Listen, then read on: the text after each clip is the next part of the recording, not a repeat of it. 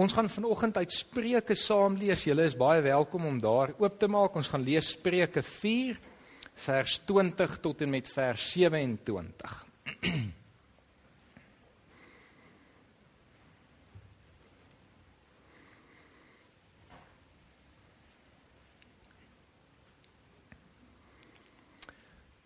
Kom ons berei onsself ook voor om die woord van die Here aan te hoor en ons word 'n oomblik stil en vra dat hy regtig nou beheer sal neem ook van ons gedagtes.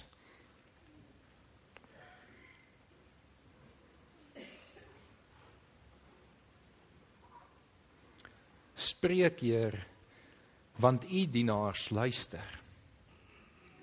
Here, dit is ons begeerte om vanoggend uit u woord geleer te word, om uit u woord weer te besef wie u is en ons lewens in te rig volgens u wil. Ons kom vra dat u ons verstand sal oopmaak, dat u ons ore sal helder maak, dat ons die boodskap wat u vanoggend vir ons wil gee, sal aanhoor. En Here, ons kom vra dat u deur die Gees dit in ons sal bevestig, dat ons dit ook sal kan gaan leef. Amen. My seun, hoor wat ek vir jou sê. Luister goed na my woorde. Moet dit nie vergeet nie. Hou dit altyd in gedagte want dit beteken lewe vir die wat daarna luister. 'n Volle lewe vir hom wat dit besit. Wees veral versigtig met wat in jou hart omgaan want dit bepaal jou hele lewe. Weerhou jou van leuns, moenie mense mislei nie. Hou jou oë op die pad vorentoe, kyk reg voor jou uit. Baken jou koers af, dan sal jy seker wees van elke tree. Moenie links of regs wegdraai nie. Weerhou jou van die verkeerde koers. Tot en met sover. 'n Verkeerskonstabel trek jou af want jy het te vinnig gery. Kort voor langs skimp hy so bietjie dat 'n omkoopgeldjie die boete sal laat verdwyn. Wat doen jy? 'n Aantreklike vrou stap verby jou en sy glimlag Dis nie jou vrou nie, let wel. Wat doen jy? Jy ken nie die antwoord op die vraag voor jou nie, maar die juffrou is nie besig om regtig aandag te gee en te kyk nie, so jy kan vinnig die antwoord by die maatjie langs jou neerskryf. Wat doen jy? Jy weet dat jy die kontrak sal kry as jy bereid is om vir die regte kanale onder deur die tafel 'n geskenkie te gee. Wat doen jy? 'n Aantreklike man, weer eens nie jou eie man nie. Knip oog vir jou en glimlag.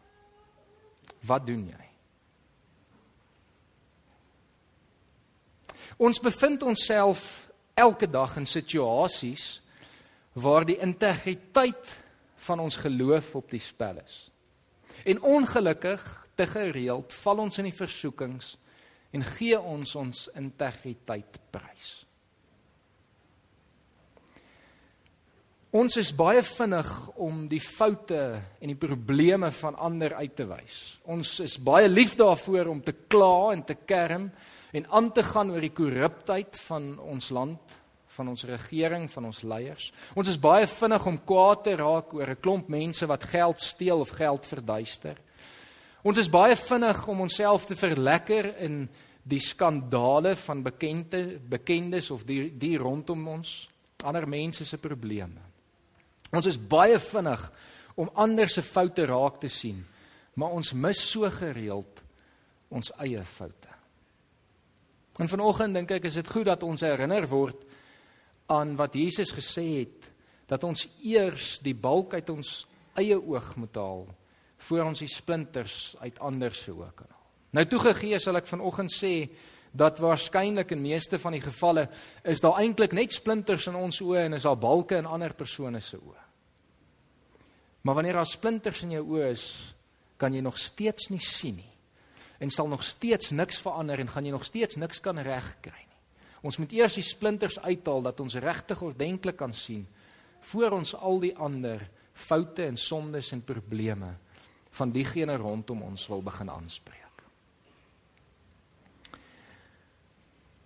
Ons leef in 'n era waar integriteit eintlik nie meer bestaan nie. Ons leef in 'n era waar ons van mense dinge verwag wat ons self nie bereid is om na te kom nie. In hierdie opsig dink ek is ons baie soos die moderne fariseërs.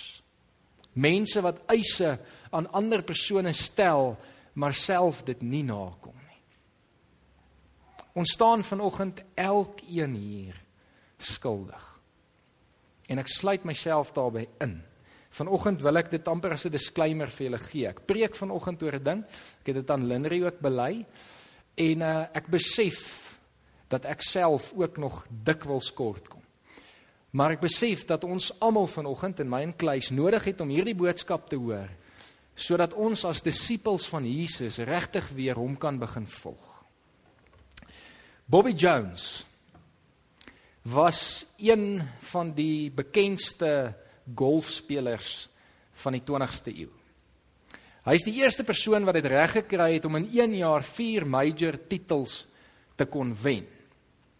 Hy het ook beroemd geword vir een toernooi, die 1925 Amerikaanse Ope.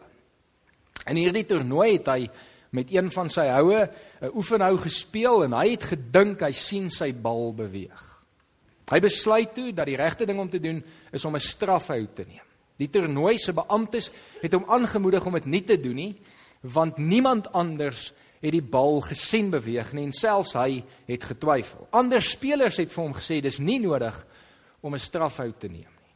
Terwille van sy gewete En ter wille van sy integriteit het hy wel die besluit geneem om die strafhou te neem. Hy het daardie jaar die toernooi met een hou verloor. Na die tyd het 'n klomp mense hom geprys en hom gesê maar dit is noemenswaardig, dis besonders dat hy soveel integriteit het dat hy bereid is om selfs wanneer hy nie eers heeltemal seker is nie, homself te benadeel ter wille van sy gewete. Sy reaksie op hierdie was tweevoudig. Die eerste ding wat hy gesê het, daar is nie 'n ander manier om die spel te speel nie. En daai woorde dink ek is waar vir ons as Christene vir ons lewens. Daar is nie 'n ander manier om die lewe te leef as met totale integriteit nie. daarmee saam het hy die volgende gesê, ek lees dit vir ons. Uh you might as well praise me for not breaking into banks. Hy het hierdie gesê omdat hy iets begin verstaan het van integriteit in klein en in groot sake. Dit help nie ek en jy begin vir mekaar sê, weet jy, ag maar die goed wat ons nou vanoggend oor praat is klein goedjies nie.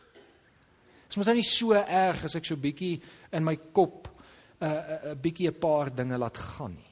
Dis mos nie so erg as ek so 'n klein omkoopgeldjie gee nie. Dis nie so erg as ek 'n wit leentjie hier en daar vertel nie. Dis nie so erg om net hierdie een keer ietsie te doen wat so bietjie in 'n grys area val.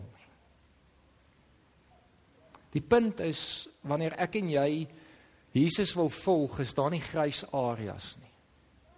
As ek en jy die keuse maak en ons neem dit om te sê ons is volgelinge van Jesus, dan is daar net een manier om dit te doen. En dit is met 'n totale integriteit in klein sake en in groot sake. Bobby Jones het hierdie verstaan en dis hoekom hy dit kon regkry om dit uit te leef. Ons lees vanoggend die wysheid van Salomo raak.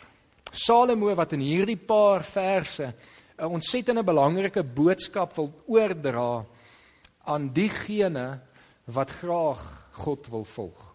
En Salomo kom en hy sê basies vir ons eintlik in hierdie gedeelte drie dinge. Die eerste ding wat hy vir ons sê is wat ek nou vir jou gaan sê gaan vir jou 'n vol lewe beteken. So hy het 'n belofte wat hy maak dat as jy die raad wat hy nou gaan gee gaan volg, dan gaan jy 'n goeie vol lewe kan kry. En dan sê hy Om dit reg te kry, moet jy jou koers hou. Jy moet die pad reguit loop. As ek en jy sê ons wil Jesus volg, dan moet ons ons oë gefestig op hom hou en ek en jy moet die pad reguit stap. Ons kan nie links of regs afwyk nie. Hy maak dit baie duidelik: "Weerhou jou van leuns, moenie mense mislei nie. Hou jou oë op die pad vorentoe, kyk reg voor jou uit." Daar's nie 'n klein bietjie hierdie kant toe of 'n klein bietjie daardie kant toe nie.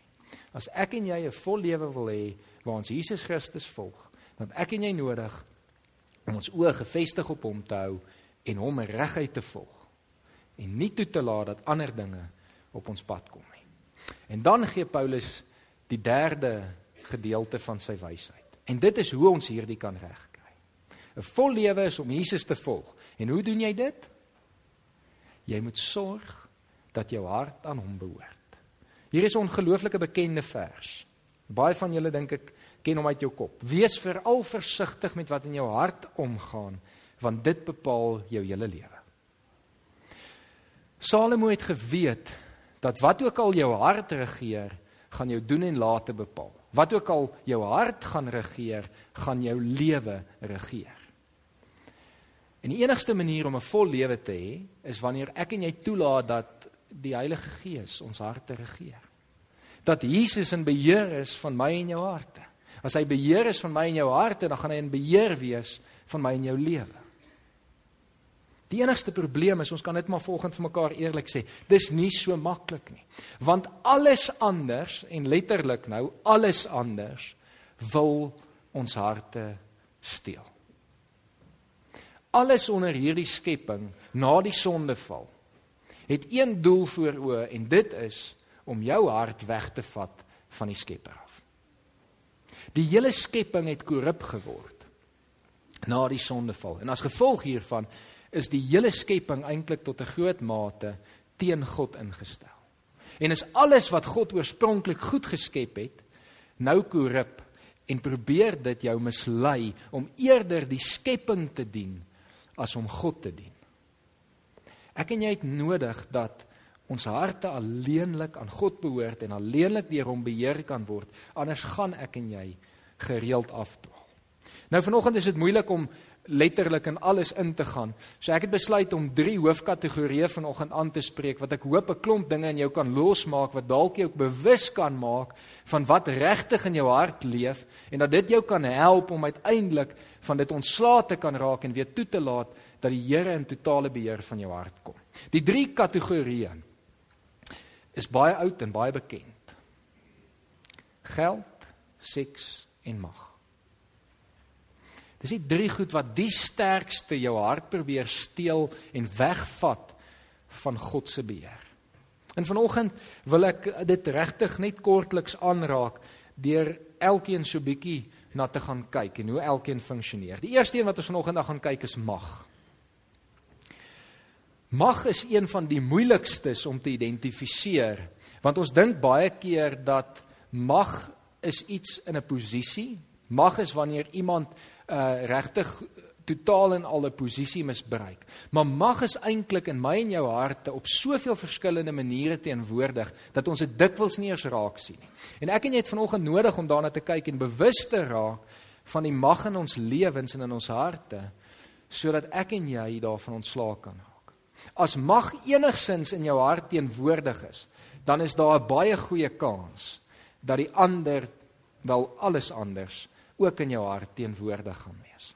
Mag is eintlik die beginpunt van al die ander probleme. Want mag sê vir jou jy moet in beheer wees. Mag sê vir jou my selfsugtige ambisies, my selfsugtige behoeftes en begeertes is eintlik al wat saak maak. Die hele wêreld verkondig dit.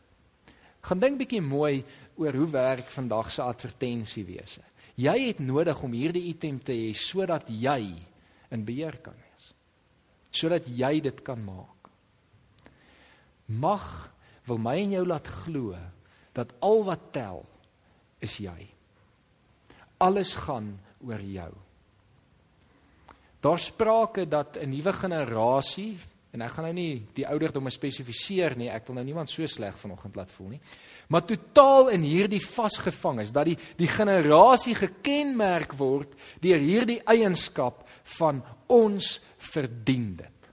Ons kort dit. Dit moet na ons toe kom. Dit is ons reg. En dit is mag wat in ons samelewing begin funksioneer en in mense se harte begin inkruip het en 'n leuen begin verkondig het wat net nie waar is nie. As mag in besit van jou hart kom, gaan dit jou laat voel jy is in beheer. En later gaan dit jou help om in beheer van 'n klomp situasies te kom. Jy gaan in beheer wees waarskynlik by jou werk, jy gaan in beheer wees van jou verhoudings, jy gaan in beheer wees van jou lewe en van jou finansies. En dan eendag gaan jy skielik wakker skrik en besef maar eintlik het jy niks. Eintlik was jy nooit in beheer nie want mag op sigself was in beheer. Mag het jou net laat dink jy's in beheer en dan sal jy alles verloor. Want wanneer mag in beheer kom, wanneer jy voel jy moet in beheer wees. Wanneer jy dink my my behoeftes is die belangrikste, gaan jou verhouding skade ly. Gaan jy nie ander mense se behoeftes voor jou stel nie. Gaan jy bereid wees om op en oor ander mense te trap om in 'n posisie te kom waar jy wil wees? Gaan jy wanneer jy in daai posisie is, mense misbruik tot jou eie voordeel? Mag is een van die moeilikste dinge om van ontslae te raak. Maar dit is God se manier. God se manier is om mag weg te gee. Hy het dit gedoen heel aan die begin van die skepping. In die begin van die skepping het God sy eie mag weggegee. Ek het al so een of twee keer die stelling gemaak en dan skok ek bietjie mense en vanoggend gaan ek dit tog hier waag. God is nie almagtig nie.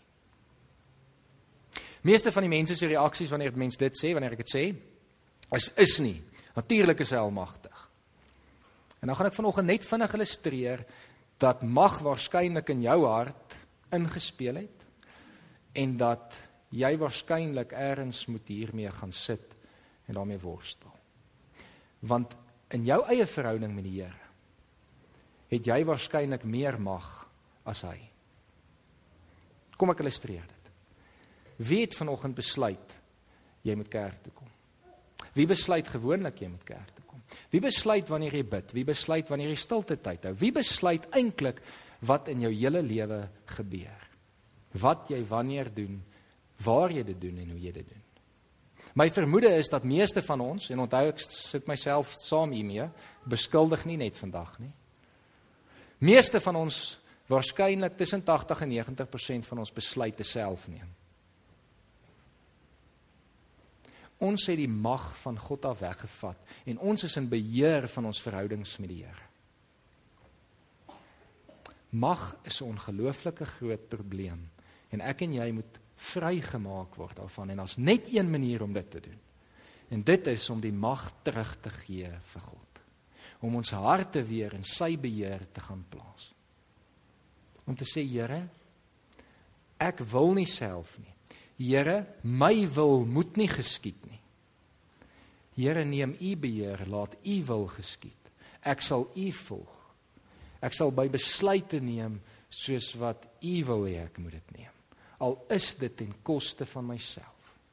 Die groot rede hoekom ons nie vandag meer integriteit as gelowiges het nie, is omdat meeste van ons as gelowiges nie bereid is om die moeilike goed aan te spreek en aan te vat wanneer dit ten koste van onsself gaan wees nie. Ons is bereid om die wit leuen te vertel om onsself uit 'n moeilike situasie te kry. Ons is bereid om onsself oor te gee aan mag. As ons onsself oorgee aan God, dan begin dinge weer werk want God is die enigste wese wat mag kan beheer. Ek en jy kan nie. Niks in hierdie wêreld kan nie. As ons onsself aan mag oorgee, gaan mag ons beheer. As ons onsself oorgee aan God, gaan God mag beheer. Want God is almagtig.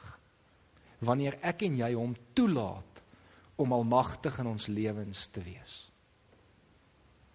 Ek wil vanoggend so 'n bietjie vir Josef as 'n voorbeeld gebruik want hy het met al drie hierdie dinge geworstel. Die eerste een waarmee hy geworstel het was mag. Josef word groot as die jongste broer van 12 en hy is sy pa se gunsteling. Hy word bederf en soos wat julle weet, uh bederfde kinders word 'n bietjie van 'n pyn. Bederfde kinders begin glo alles gaan oor hulle. Bederfde kinders eis dat alles oor hulle begin gaan. En dit is presies wat Josef gedoen het. Josef het begin dink hy is beter as sy broers. Josef het begin dink hy hoef nie te werk soos wat sy broers werk nie. Josef het begin dink hy kan die lewe net geniet en hulle almal moet hom dien. En ons lees die hoogtepunt van sy hoogmoed en waar mag beheer was in sy hart in Genesis 37 vers 6 tot 7 wanneer hy vir hulle sê: "Luister na die droom wat ek gehad het. Ons was op die land besig om gerwe te bind en skielik gaan staan my gerf regop en julle gerwe gaan staan daar rondom en hulle buig voor myne." Baie keer lees ons hierdie en ons sê maar eintlik is dit 'n openbaring van God aan Josef gewees oor wat eendag gaan gebeur wanneer hy in beheer gaan wees van Egipte. Maar in alle waarskynlikheid was dit nog nie die geval hier nie. In alle waarskynlikheid was die geval hier Josef het gedink hy's belangriker as sy broers. En dan is dit verstaanbaar dat sy broers gaan en sê, "Maar kom ons maak 'n plan en ons raak ontslaaf van hom." En hulle doen dit deur hom as 'n slaaf te verkoop. En skielik verloor Josef alles. Mag gaan dit ook met jou doen mag gaan uiteindelik alles vernietig. Jou verhoudings, jou menswees, jou loopbaan.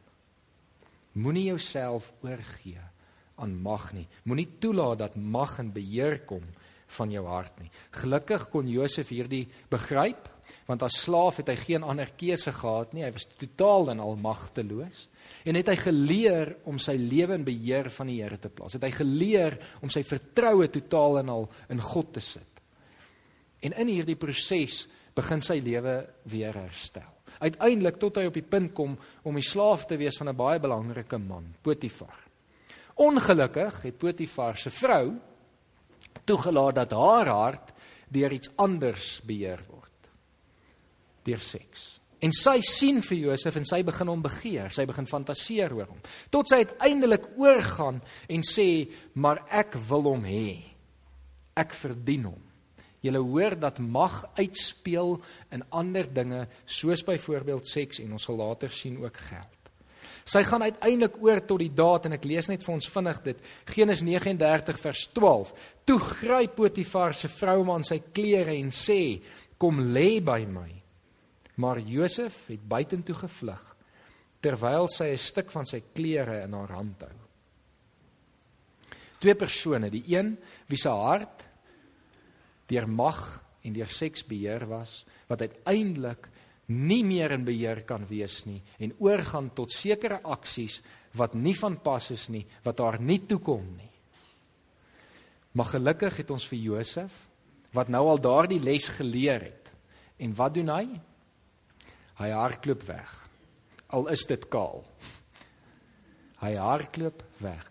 As jy enigsins in jou lewe gekonfronteer word met seks wat jou hart wil steel, is dit die oplossing. Hardloop weg. As daar 'n pop-up op jou foon of op jou rekenaar kom, hardloop weg. As iemand by die skool en vir die van julle wat nog nie bewus is dat die tieners dit doen nie, is dit goed dat julle nou bewus word daarvan. Klomp mooi prentjies van hulle self vir mekaar stuur. Hardloop weg. Delete dit. Vee dit uit. As iemand met jou begin flirteer op watter manier ook al by die werk of op 'n ander sosiale platform, hardloop weg. Ons hoef nie ver te kyk nie. Ons kan sien dat die TV-programme, films, advertensiewese dat seks ons samelewing oorgeneem het. Ons samelewing het eintlik tot 'n groot mate seksmal geword. Alles gaan daaroor. En ongelooflik baie mense word op een of ander manier hierdeur vasgevang, word op een of ander manier word hulle harte hierdeur gesteel. Pornografie is vandag die grootste verslawing in die wêreld. Net daai een statistiek behoort vir jou te sê hoe groot probleem ons eintlik mee sit. Hoeveel jong mense van baie skokkende jong ouderdomme gekonfronteer word met hierdie probleem. Enigste manier hoe ek en jy van hierdie gaan af wegkom tot weer terug by die oorspronklike bedoeling wat God gehad het met seks om dit mooi te hê te gebruik binne 'n liefdevolle verhouding van die huwelik. Is as ek en jy ons harte gaan teruggee aan God. Anders gaan jou lewe op die ouene gekenmerk word deur klomp probleme. As jy spring van verhouding tot verhouding As jy teruggaan heeltyd na 'n verhouding wat jy weet nie goed is vir jou nie.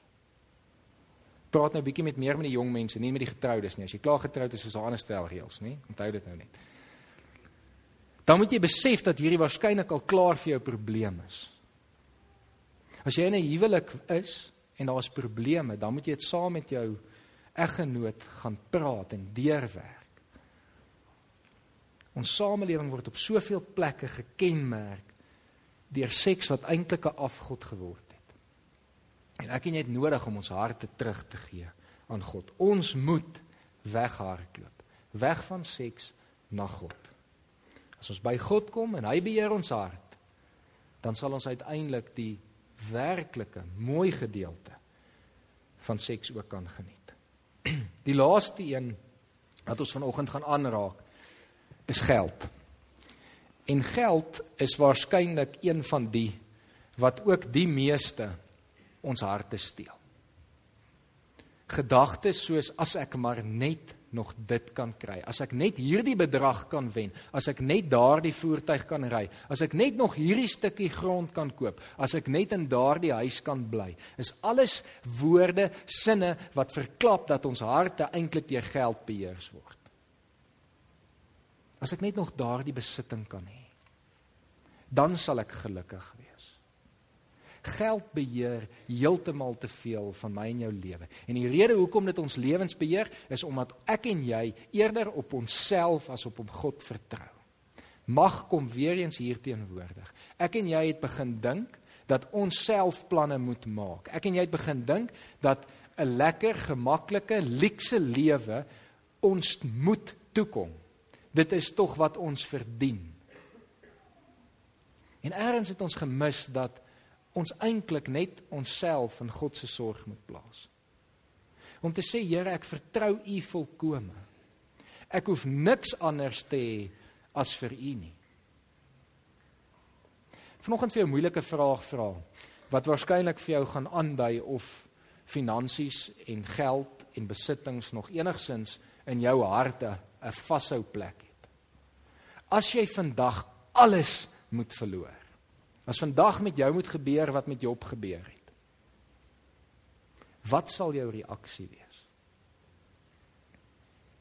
As jou reaksie iets anders gaan wees as Here, U is genoeg vir my.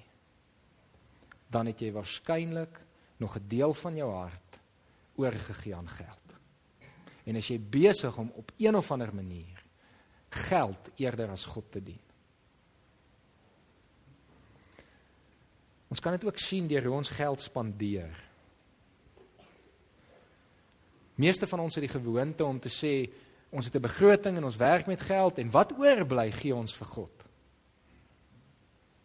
Dan is ons besig om geld te dien en nie vir God nie. As ek en jy nie op 'n punt kan kom om te sê Here, alles wat ek het, wat ek besit, is U se nie en dit kan aangewend word tot U koninkryk soos wat U wil.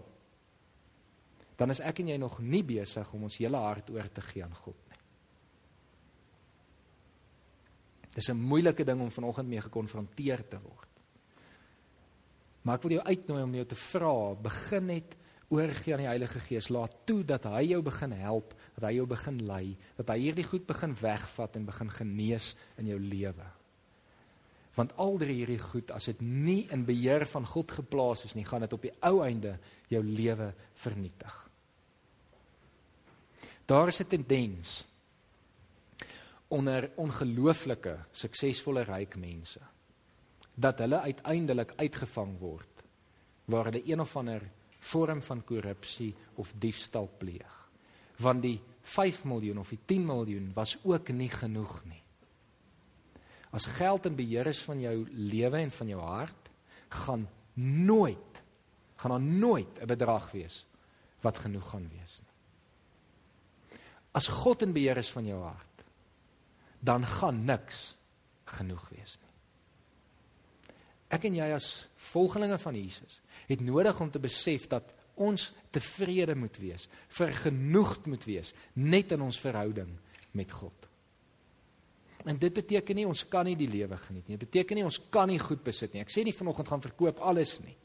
Jesus het dit op 'n tyd vir 'n man gesê vir wie hierdie 'n probleem was. Julle ken die verhaal van die ryk jong man. Hy het gesê gaan verkoop alles want jou hart word deur daardie besittings en jou geld beheer en volg dan my. Ek sê nie vanoggend jy moet dit gaan doen nie. Want besittings op sigself is nie boos nie. Geld op sigself is nie boos nie. Maar wanneer geld ons lewens begin beheer, dan is ek en jy in die moeilikheid. En het ons nodig om oor te gee aan God. En as dit dan nodig is om alles te verkoop, dis radikaal, maar gaan doen dit dan. As dit die enigste manier is hoe jy daar gaan uitkom, doen dit.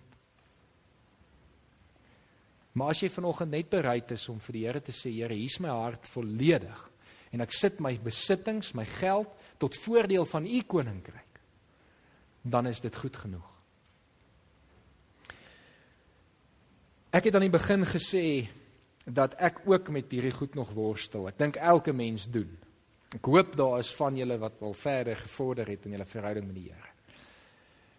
En daarom is dit belangrik vanoggend want dis die deel waarmee ek geworstel het. Ek het regtig vir 'n groot deel gevoel ek kan nie vanoggend hierdie goed kom preek nie want ek kry dit nog nie reg nie.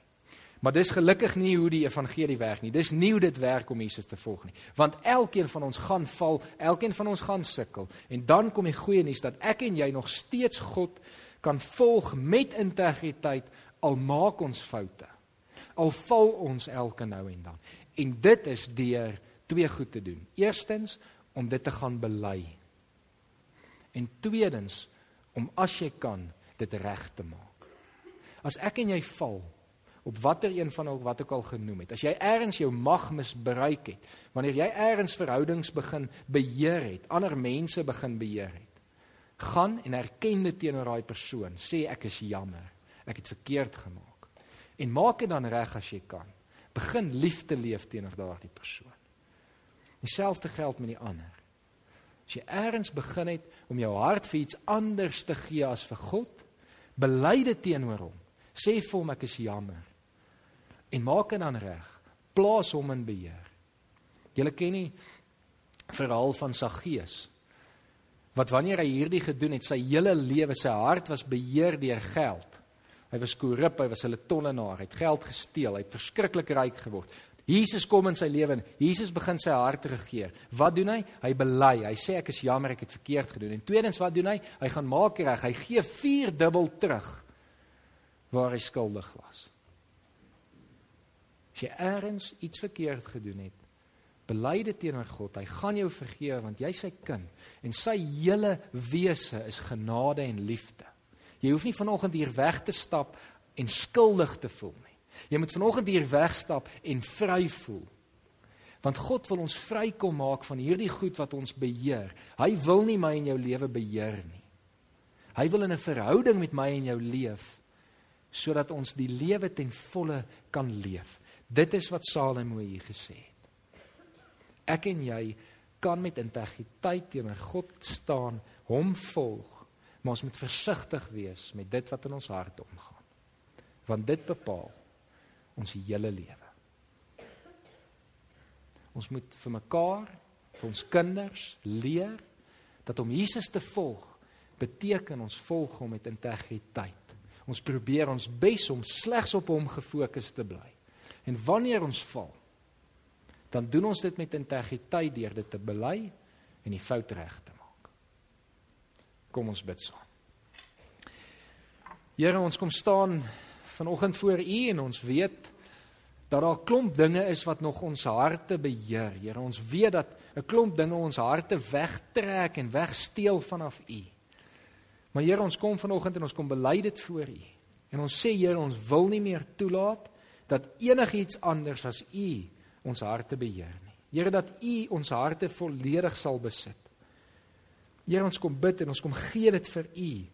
Want ons het U liefde raak gesien, U wat na ons gekyk het. U wat nou na ons kyk in ons swakheid, in ons sonde en sê ek het jou lief. Here ons dankie daarvoor. Here dit ons kan nie anders as om met vreugde daarop te reageer nie. Here, dankie dat U ons wil kom vrymaak van al hierdie dinge wat in die wêreld ons aandag van U wil wegvat. Here, op die ouene steel dit ons lewensvreugde. En Here, ons wil nie en ons kan nie langer toelaat dat dit die geval is nie. Here, kom neem beheer van elkeen van ons harte. Kom neem beheer van ons gemeente. Kom neem beheer van ons dorp. Here, ons wil U mag wat U vir ons gegee het teruggee aan U. Want Here, U is die enigste wese wat dit regtig in toom kan hou. Here, ons dankie vir U goedheid. Ons dankie vir U liefde. Here, ons kom vra dat U in ons sal werk in hierdie week. Ons bid dit in Jesus se naam. Amen.